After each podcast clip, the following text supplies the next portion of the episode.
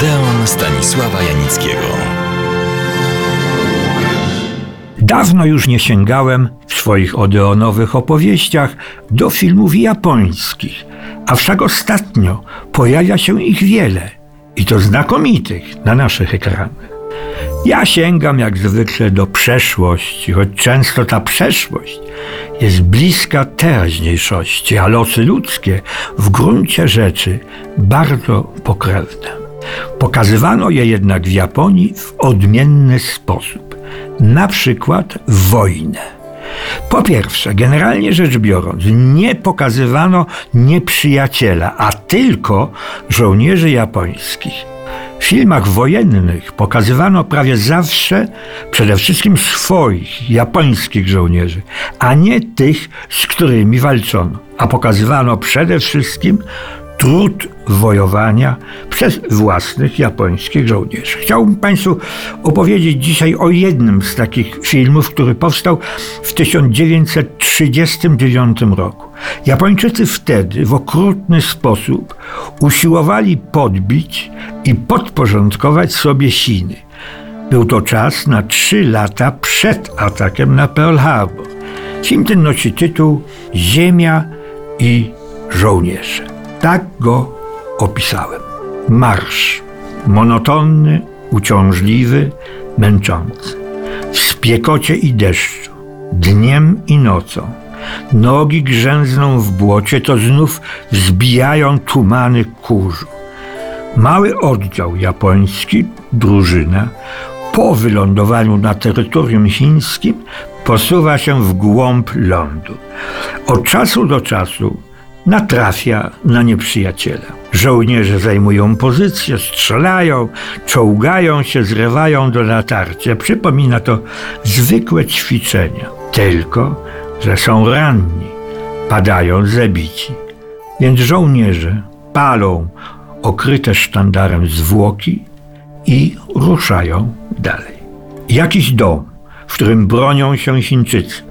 Kiedy go nazajutrz zdobywają, nie ma już w nim nikogo, kto mógłby się bronić. Resztkami sił docierają do małej wioski. Wyczerpani zasypiają wprost na ulicy, pod murami domów.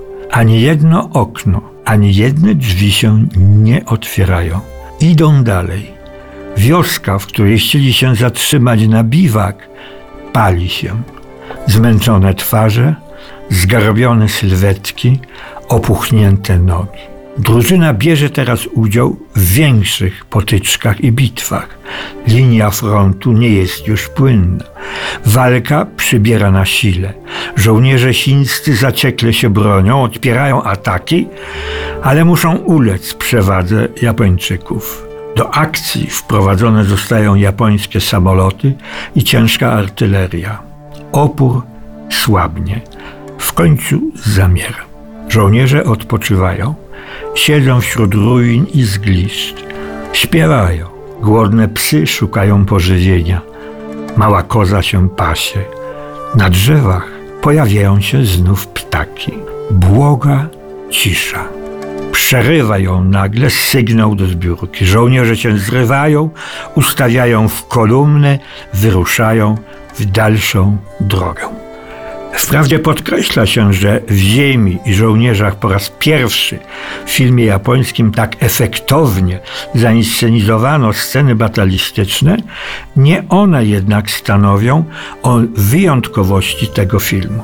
Ciekawe jest tu samo ujęcie wojny, pozbawionej nimbu romantycznej, bohaterskiej przygody a pokazanej jako ciężki, nieefektowny trud oraz nakreślenie sylwetki żołnierzy, zwykłych ludzi wcielonych do armii, nieowładniętych fanatyzmem w wypełnianiu swej świętej misji.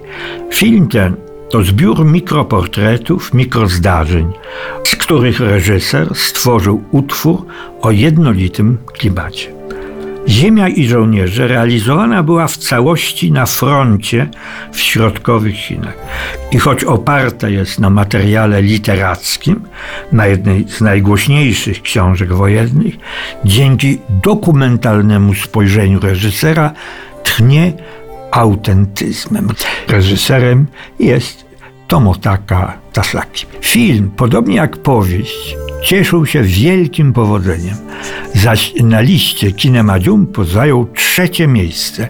Dopowiem, że Kinema Jumpo to najstarsze fachowe czasopismo japońskie i przyznawane przez nie nagrody cieszyły się lata całe największym uznaniem, wręcz nobilitacją. Zapraszam Państwa do następnego Odeonu.